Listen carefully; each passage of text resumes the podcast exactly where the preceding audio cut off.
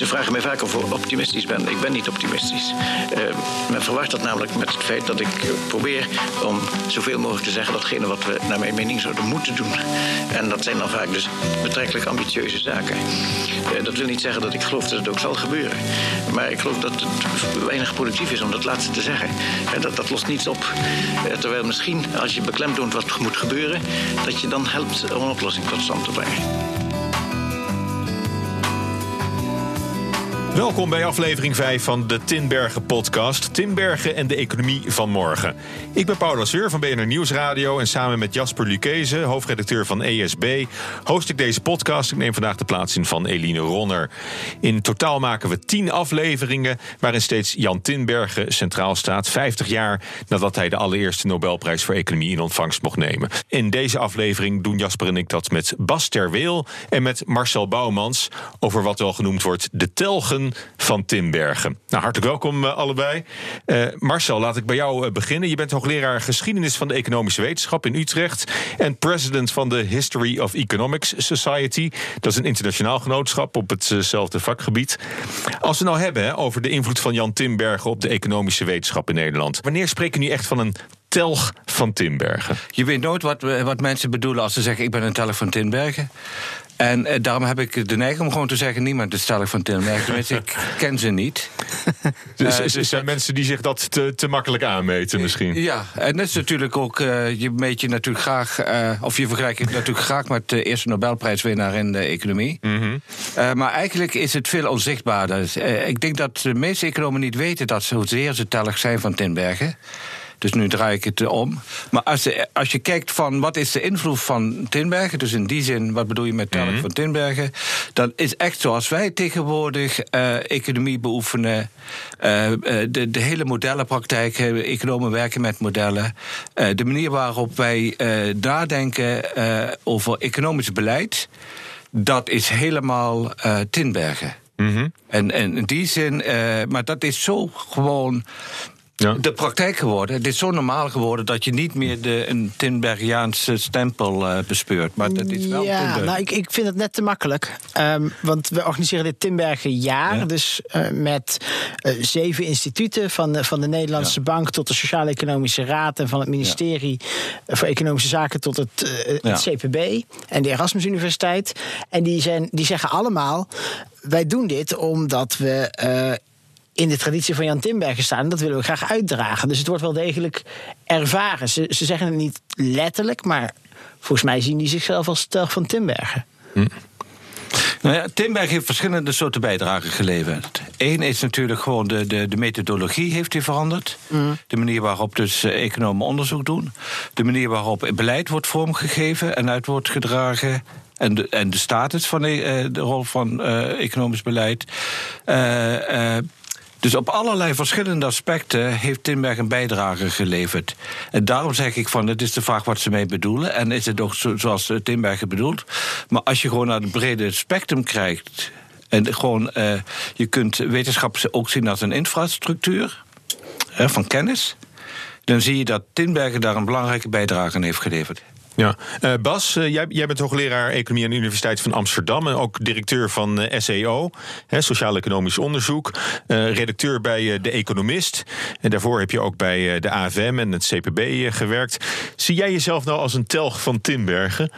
Meer, meer, nog dan in algemene zin, zoals eigenlijk iedere Nederlandse econoom misschien wel een beetje telg van Timbergen is? Nou, ik denk dat we goed de telg moeten definiëren. En dan niet zozeer wat die is, maar wat die zou moeten zijn. En dan gaat het voor mij om iemand die kwantitatief onderzoek doet. Je ervaart het als een opdracht. Ja, wat doet een econoom nou? Dus die kijkt naar de feiten buiten, die probeert dat te begrijpen. Die doet onderzoek op basis van uh, de data die beschikbaar zijn. En dat zijn er gelukkig steeds uh, meer. Uh, ook via het CBS. En daar mogen we best trots op zijn. Ook een instituut wat Tinbergen zijn invloed mm. heeft gehad. Een econoom moet beleidsgericht zijn.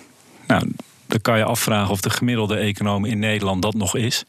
Eh, van Dalen heeft dat ook in zijn boek De Telg van Tinbergen geschreven... van de veramerikaansing van het onderzoek slaat toe. Dus we richten ons op hele kleine vragen om in een toptijdschrift te komen. Maar of dat beleidsrelevant is, ja, who cares?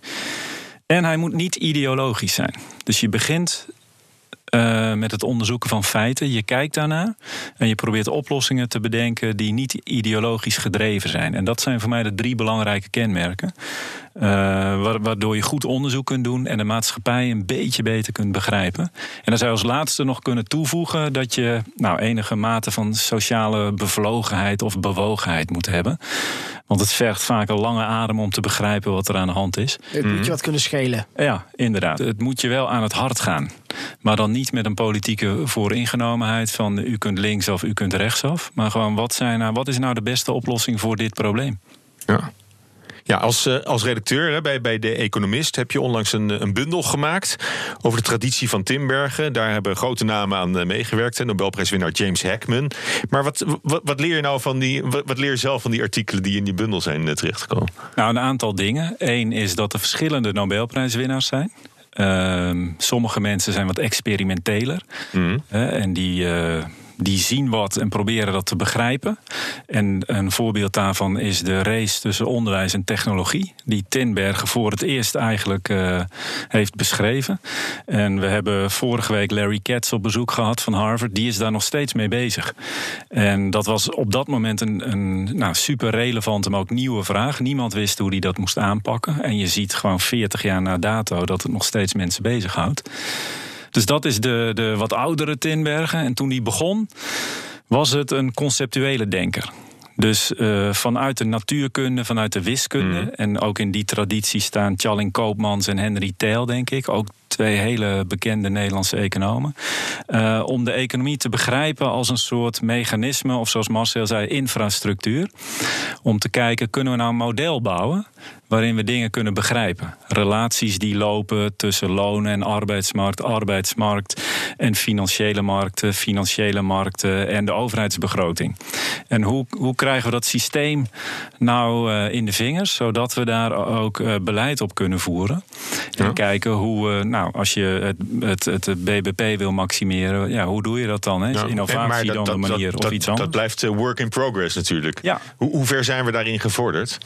Nou, er zijn verschillende Nobelprijzen voor uitgereikt. Hè. Na Tinbergen hadden we nog Klein uh, en Samuelson uiteraard... die daar ook flinke bijdragers aan hebben geleverd. Maar kijk, de economie vatten in een model kan niet. Uh, zover zijn we wel. En ik denk dat na de Tweede Wereldoorlog dachten we... nou, dat moet toch kunnen, hè?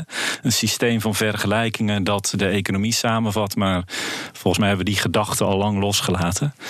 En dat weet ik ook nog uit mijn tijd bij het CPB. Van ja, dat allesomvattende model, dat moeten we maar uh, opgeven. Daar wil ik even op reageren, ja? want dat, dat is eigenlijk niet Tinberg, hè, dat hele grote model. Dat is Lawrence Klein die je net noemde. Mm. En Tinbergen, als hij. Eh, het is heel leuk.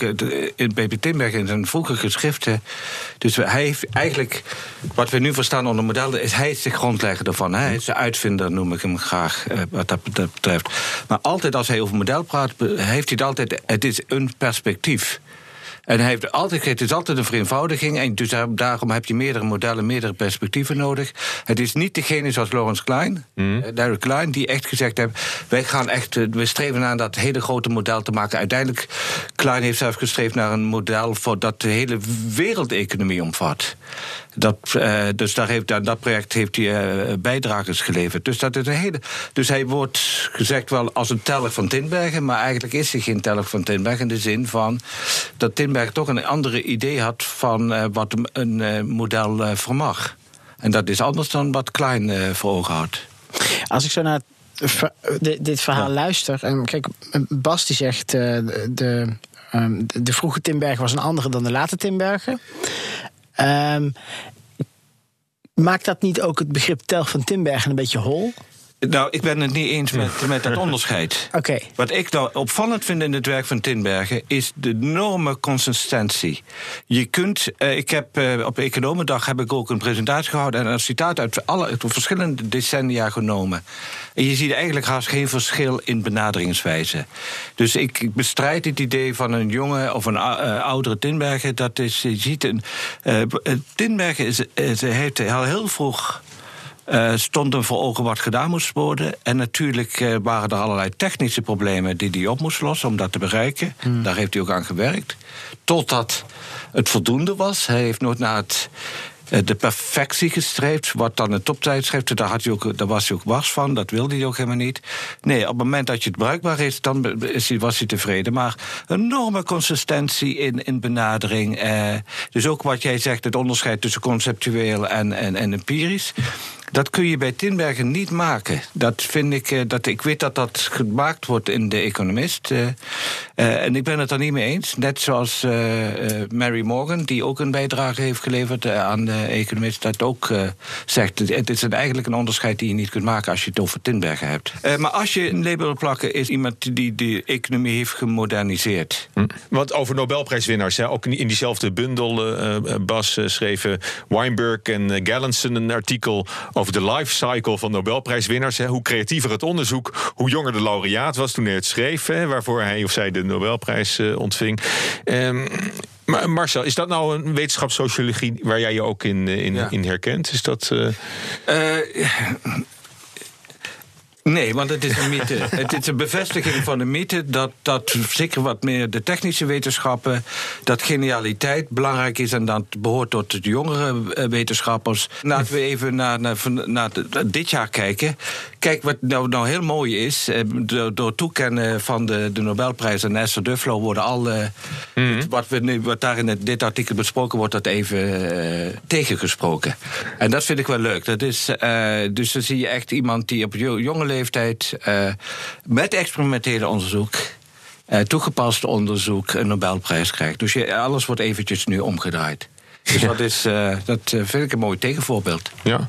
Uh, Bas, net als Timbergen kun je zeggen... opereer jij persoonlijk ook echt op het snijvlak tussen, tussen wetenschap en, en beleid. Wat zie jij als je belangrijkste drijfveer om, om dat werk te doen? Is dat, is dat ook die, die sociale bevlogenheid waar je het eerder over had? Nou ja, puzzeltjes oplossen, hè? dat is wat ik thuis altijd zeg. Wat doe je de hele dag? Nou, puzzels oplossen. er zijn mensen met vragen en ik denk dat de econoom als voordeel heeft... dat hij is getraind om naar buiten te kijken op basis van feiten een probleem uh, te kunnen ophakken in kleine stukken. En dan hebben wij een gereedschapskist, hè, uh, of die nou van De Flow is of uh, van Tinbergen, om die om die problemen nou, voor een deel te beantwoorden. Mooi. Nou ja, twee weken geleden maakten we een aflevering over wetenschapsvalorisatie. Het bleek niet altijd even makkelijk om wetenschap te vertalen naar beleid en, en vice versa. Hoe, hoe kijk jij daarnaar, Bas? Nou, ik vind dat het heel belangrijk is om dat te doen. Het begint met het stellen van de juiste vraag. En ik denk dat we daar uh, als economen uh, nou, de Haagse beleidsmakers bij kunnen maken, uh, helpen. Dus wat is nou de juiste vraag? Hoe richt je vervolgens de instituties zo in dat het ook nog een beetje effectief en efficiënt is? en, en dan proberen we achteraf te kijken of het beleid ook inderdaad effectief is geweest. Hè? En ik vind dat dat altijd voorop moet staan. Dus hoe kunnen we leren van de keuzes die we hebben gemaakt. En dan kan je vooraf kijken van, nou, is er een kostenbatenanalyse mogelijk? Nou, niet altijd, vaak wel. Zouden we ook vaker moeten doen, denk ik.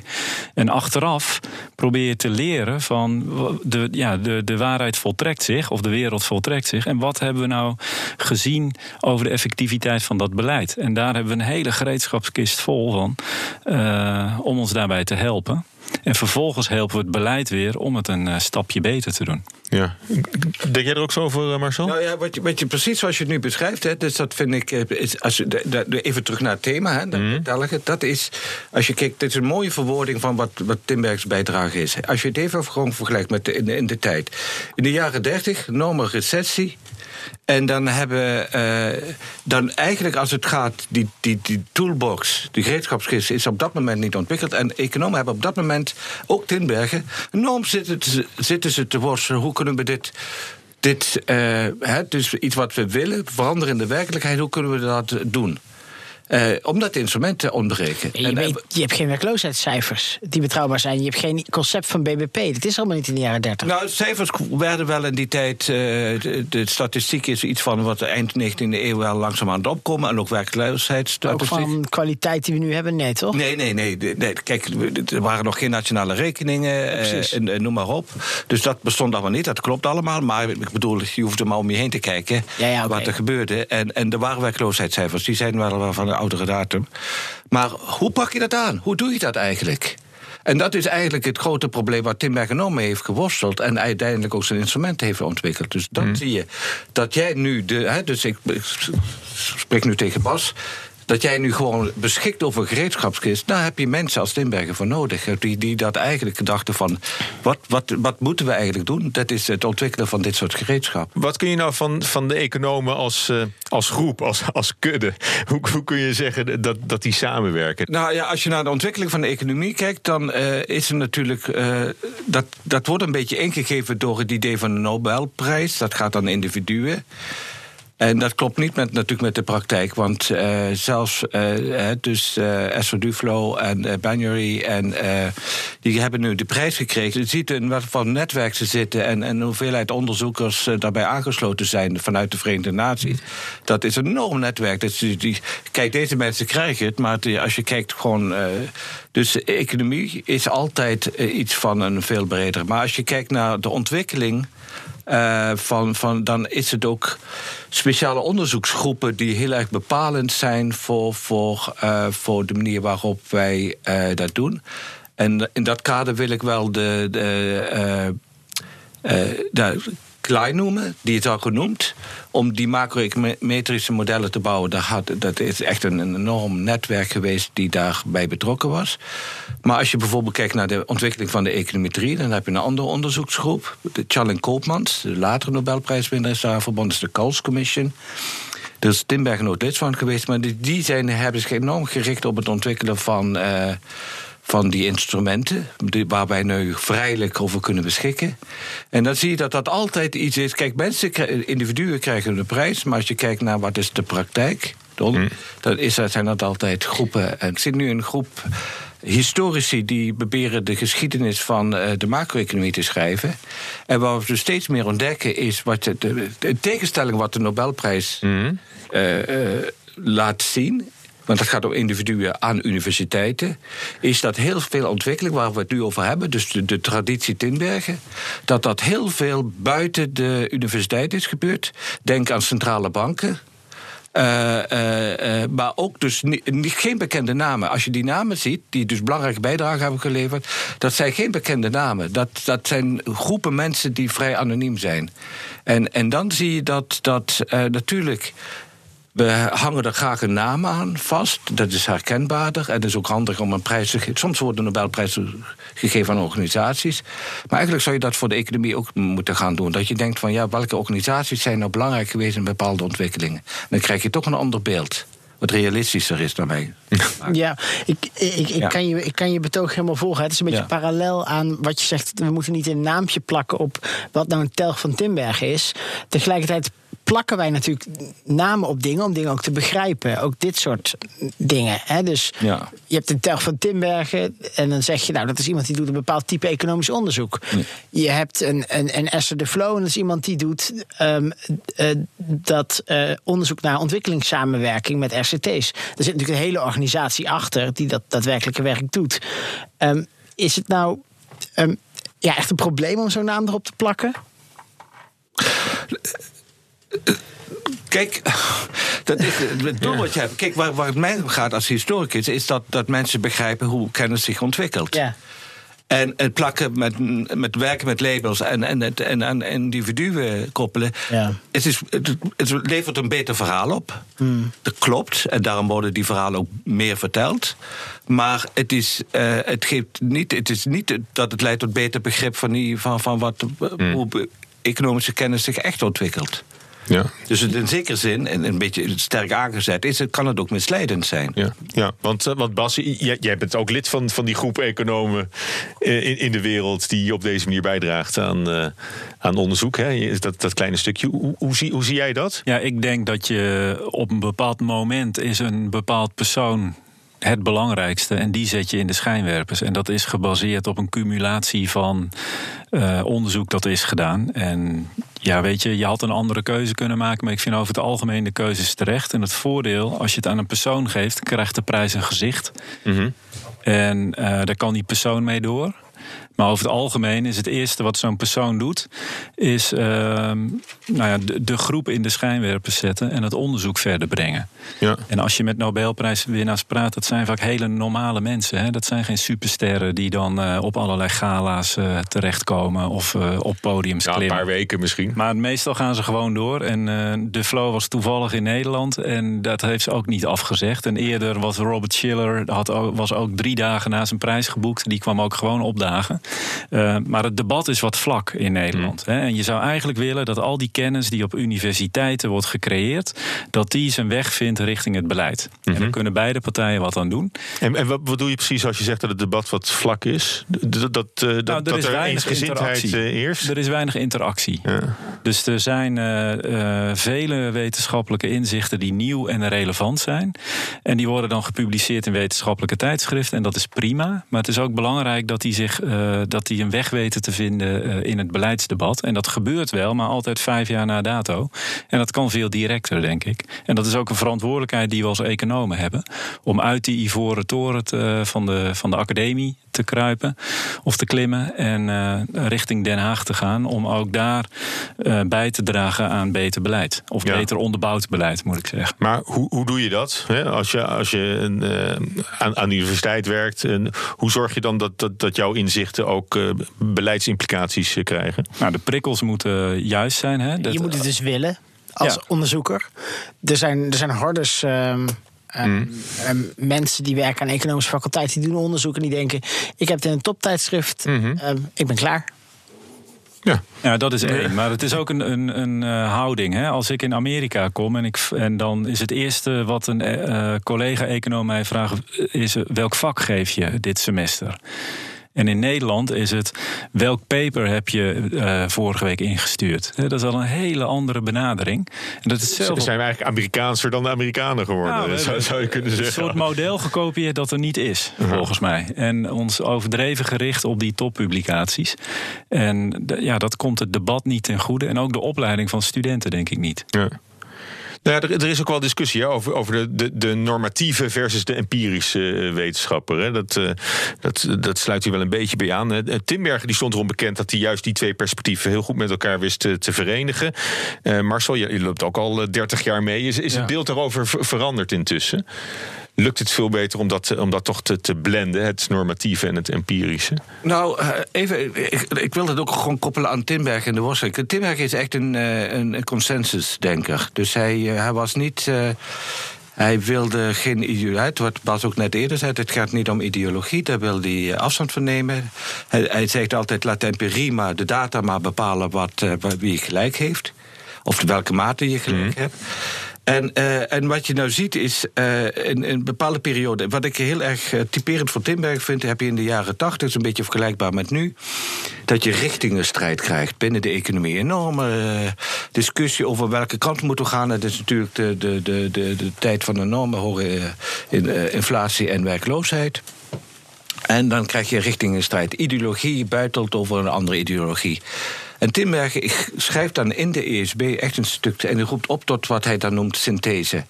En hij zegt: het is de taak. En dat is nog sterker dan dat nu. Hij zegt: het is de verantwoordelijkheid, de taak van een, van een econoom, van een wetenschapper.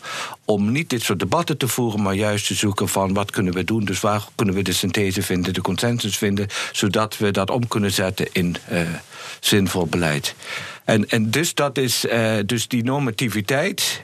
Hij is natuurlijk normatief gedreven. Dus de hele motivatie is normatief. Verbetering van de wereld. Van de reductie van de afname van de, werk, van de armoede.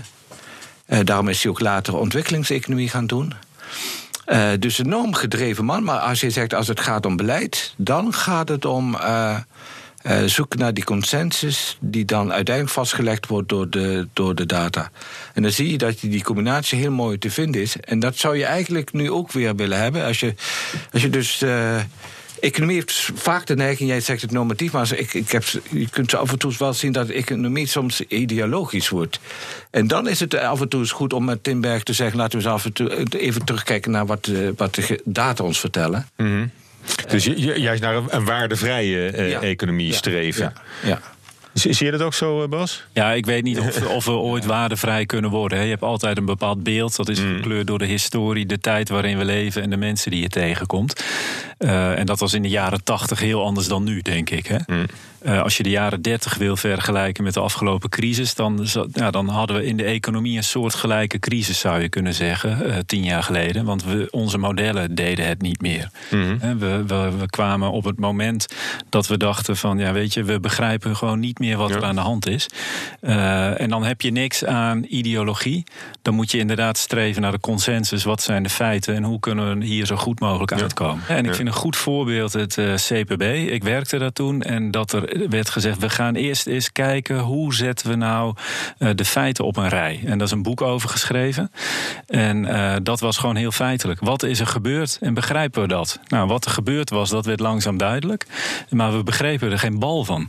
En door het op te schrijven en daar met mensen over te praten, gingen we langzaam begrijpen wat er ja. aan de hand was. En pas dan kan je gaan nadenken over het recept uh, dat een oplossing kan bieden. Ja, maar goed, dat betekent wel dat je enige tijd in de achteruitkijkspiegel uh, opereert. Ja, en het verwijt is dat hadden we misschien wat eerder moeten doen. Hè? Ja, dus je zou het liever nog vooruit kunnen, kunnen, kunnen voorspellen. En de, nee, maar dat ja. voorspellen, dat is, daar gaat het niet om. het, het, het gaat om de analyse. Uh, dat is, economen kunnen niet voorspellen en dat zullen ze ook nooit kunnen, omdat de, de, de economie gewoon niet voorspelbaar is. Het is niet iets, je kunt wel bepalen... Jasper is niet helemaal met je eens, volgens mij. Je, je, je, je praat in absolute termen, Marcel. Er is ja. heus wel iets te voorspellen. Of er is heus wel een prognose nee, te maken. Nee, maar dit is ook niet het interessantste. Eigenlijk, zoals Bas net zegt... je hebt een bepaalde situatie, je wilt analyseren... hoe zijn we hier in terecht gekomen. Dat wil je weten. En dan natuurlijk extrapoleer je. Dat is iets anders, dat je zegt van... oké, okay, als dit en dit hetzelfde blijft... Oké, dan weten we wat er gaat gebeuren. Maar we weten eigenlijk tegelijkertijd dat dit en dit niet allemaal hetzelfde blijft. Die nadruk van uh, voorspellen bij economen, dat is absurd. Dat is. Uh, ik weet wel waar het vandaan komt, uh, maar dat is een hele andere achtergrond dan dat je denkt van ik wil een apparaat hebben, een instrument hebben, waar ik mee de, de economische werkelijkheid of de crisis kan begrijpen. En ook kan nadenken van wat zijn de middelen die ik heb om hieruit te komen. Dat is wat van belang is. Dat is niet voorspellen. Dat heeft niks met voorspellen te maken. Dat is met analyse te maken. Het ligt wel ook een beetje aan het probleem wat je hebt. Kijk, als je gewoon, als je gewoon een concrete vraag hebt, als de minister van Financiën wil weten of die volgend jaar voldoende geld uit te geven heeft, dan, heeft, dan is het best wel nuttig om een inschatting te hebben hoe de economie het volgend jaar doet. Ja. En dan heb je een model en dan, maak je, dan, dan zeg je inderdaad, nou gegeven dat een aantal dingen hetzelfde blijven, een aantal processen op dezelfde manier blijven lopen, gaat de economie naar verwachting zo goed doen, met deze spreiding eromheen, deze onzekerheid eromheen. En hebben we dit te besteden volgend jaar? Of zijn dit de belastinginkomsten volgend jaar? Dat is een heel nuttige ja. ding wat uit zo'n voorspelling komt. Dat die vervolgens niet uitkomt is vers 2. Uh, maar het is beter dan helemaal geen info hebben. Nee, maar dat zeg ik ook niet. Het is niet het een of het ander. Ik probeer juist iets tussen te zeggen. Het is, iets, het is ja. een voorspelling. Iets, dat is een soort focus. Ik weet dat uh, Koen Teulings op dat moment ook erg aangevallen werd door de media. Van uh, ja, maar waar jullie kunnen helemaal niet voorspellen. Wat kunnen jullie dan wel? uh, dus dat is dus een hele absurde discussie waar hij toen in terecht kwam. Maar dat ook echt niet terecht is voor wat het Centraal Planbureau doet. Dus dat is, klopt helemaal niet met wat, wat, wat daar gebeurt. Omdat er een verkeerd beeld is. Dus daarom dat ik zo hamer op. het is niet om absoluut te zijn. Nee, dat vind ik ook best wel. Maar het gaat mij erom dat, je, dat de, de verkeerde perceptie is van wat zoiets als het Centraal Planbureau doet. Het, is het, het, het analyseert. Wat je nou aan het doen bent, Marcel, is ja. je bent aan het uitleggen en aan het definiëren wat een econoom is en wat een econoom doet. En er vallen dus dingen ja. buiten die een econoom dan niet is en niet doet. En dat is het, hetzelfde wat je eigenlijk de mensen verwijt die het tel van Timberg proberen te identificeren en te, te, te benoemen. Um, nou kunnen we hier een discussie gaan hebben. Dus nou, misschien zie je het anders, maar dan kun je hier daar een discussie over hebben. Maar ik vroeg me af, misschien kun je iets vertellen over waarom doen we dit en waarom maakt het nou uit dat we dit doen? Dat we, dat we, dat we de, de definitie benoemen, de, de, de discipline benoemen, of de tel van Timberg benoemen op een bepaalde manier. Wat kunnen we daarmee voor de toekomst met zo'n klassificatie? Want jij doet dit nu voor economie zelf. Nee, dat, ja, dat, is, dat is een misverstand. Wat ik probeer weer te geven, en nogmaals, dat zei ik ook eerder over geschiedenis. Wat, wat ik wil is begrijpen wat het werk is van economen. En dat kun je historisch zien, dan kijk je gewoon wat er in het vroeger mm. gebeurde. Maar als je nou wil begrijpen wat het Centraal Planbureau nu doet. en de, de rol die het heeft in onze samenleving. dan is het misleidend om te praten in termen van voorspellen. En daar ging toen in de tijd ook de discussie heel erg over. En dat vind ik onterecht voor het werk wat ze doen. Want ze zijn Nogmaals, het is, het, is, het is ook tot Tinbergen nooit opgericht als een, een soort meteorologisch uh, weers, weerstation. weerstation. het is. Uh, kijk, Tim, uh, even Tinberg had in de jaren 30 had je van die voorspellers. Dat waren de barometers die, die, die bij het CBS, maar ze die maken, ontwikkelden ze ook. Dat waren dus, kon je dus, dat waren uh, houtsneden. Iemand heeft me dat ook laten zien. Dat waren echt prachtige houtsneden waar je de, de, de, patronen ziet van. En, en, en dan denk je, oké, als die patronen zich voortzetten, dan kun je voorspellen. Dus echt als een, een, een, instrument voor voorspellen. Timberg heeft er altijd meteen kritiek op geleverd. Hij wist gewoon heel erg goed dat. Dat is alleen maar uh, een, een, een vooruitgaan dat er verder alles hetzelfde blijft. Mm. En dat, dat er niks verandert. Dus weet je begrijpen wat economen doen, dan uh, werken. Dus ik ben niet te zeggen wat het moet zijn. Ik probeer te begrijpen wat het is. En als je wil begrijpen wat een Centraal Planbureau doet, dan denk ik, wat ze, en wat ze ook heel goed doen, ik ben echt een groot voorstander. Wat dat betreft ben ik een Timbergiaan. Dat je een, een bureau hebt wat gewoon die analyses op een zo neutraal mogelijke wijze ja. uitvoert. waarin zie je dan echt de geest van, van, van Timberg terug? Nou, daar maak ik me wel zorgen over of je die in voldoende mate terug gaat zien omdat, uh, Want dat moeten we wel willen. Ja, ik vind dat we dat moeten willen. Hè. Daar ben ik mee begonnen. Een econoom moet beleidsgericht zijn. Hij moet zich uh, richten op kwantitatieve inzicht. Dus wat zien we nou buiten? En niet ideologisch. En wat we, wat we nu zien is dat de wetenschappelijke economen... Die, die trekken zich terug in hun ivoren toren. Je hoort ze niet, je ziet ze niet. Ze geven onderwijs en publiceren hun werk. Maar daarmee is de Nederlandse samenleving nou ja, nauwelijks geholpen. En dan heb je de club economen die op de ministeries zit. En dan hebben we er nog een club tussenin. Hè, die misschien bij SEO werkt. Uh, en op de ministeries is het uh, vrij dun. Hè. De A-directies, dat waren echt instituten in de jaren 60 en 70. En misschien daarna ook nog wel. Uh, maar dat zijn ze niet meer. Dus binnen ministeries is hun stem steeds zwakker geworden. Het ligt niet aan de mensen die er zitten, maar gewoon de status die zo'n zo'n directie heeft. Uh, dus daar zijn economen veel minder invloedrijk geworden. Mm. Nou ja, als je die twee dingen bij elkaar opzet, dan, uh, optelt, dan zijn we een heel groot deel van het denken van Tinbergen toch wel kwijt in Nederland. Ja. Dus dat is echt een, echt een oproep die je hier doet.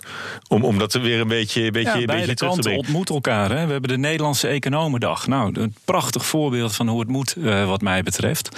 Waar de academische econoom, de beleidseconoom ontmoet. Uh, daar uh, worden ideeën en gedachten uitgewisseld. En daarmee komen we verder. Oké, nou dat lijkt me ook een mooie afsluiting misschien eh, voor dit uh, gesprek. Omdat we dan eigenlijk uitkomen bij ook uh, ja, toch de, de, geest van Timbergen. Dus misschien ben je ook wel een telg van Timbergen. Ja, dat denk ik. Dit was uh, de vijfde aflevering in de reeks Timbergen en de economie van morgen. Hartelijk dank daarvoor Marcel Bouwmans en Bas ter Wil voor dit interessante gesprek.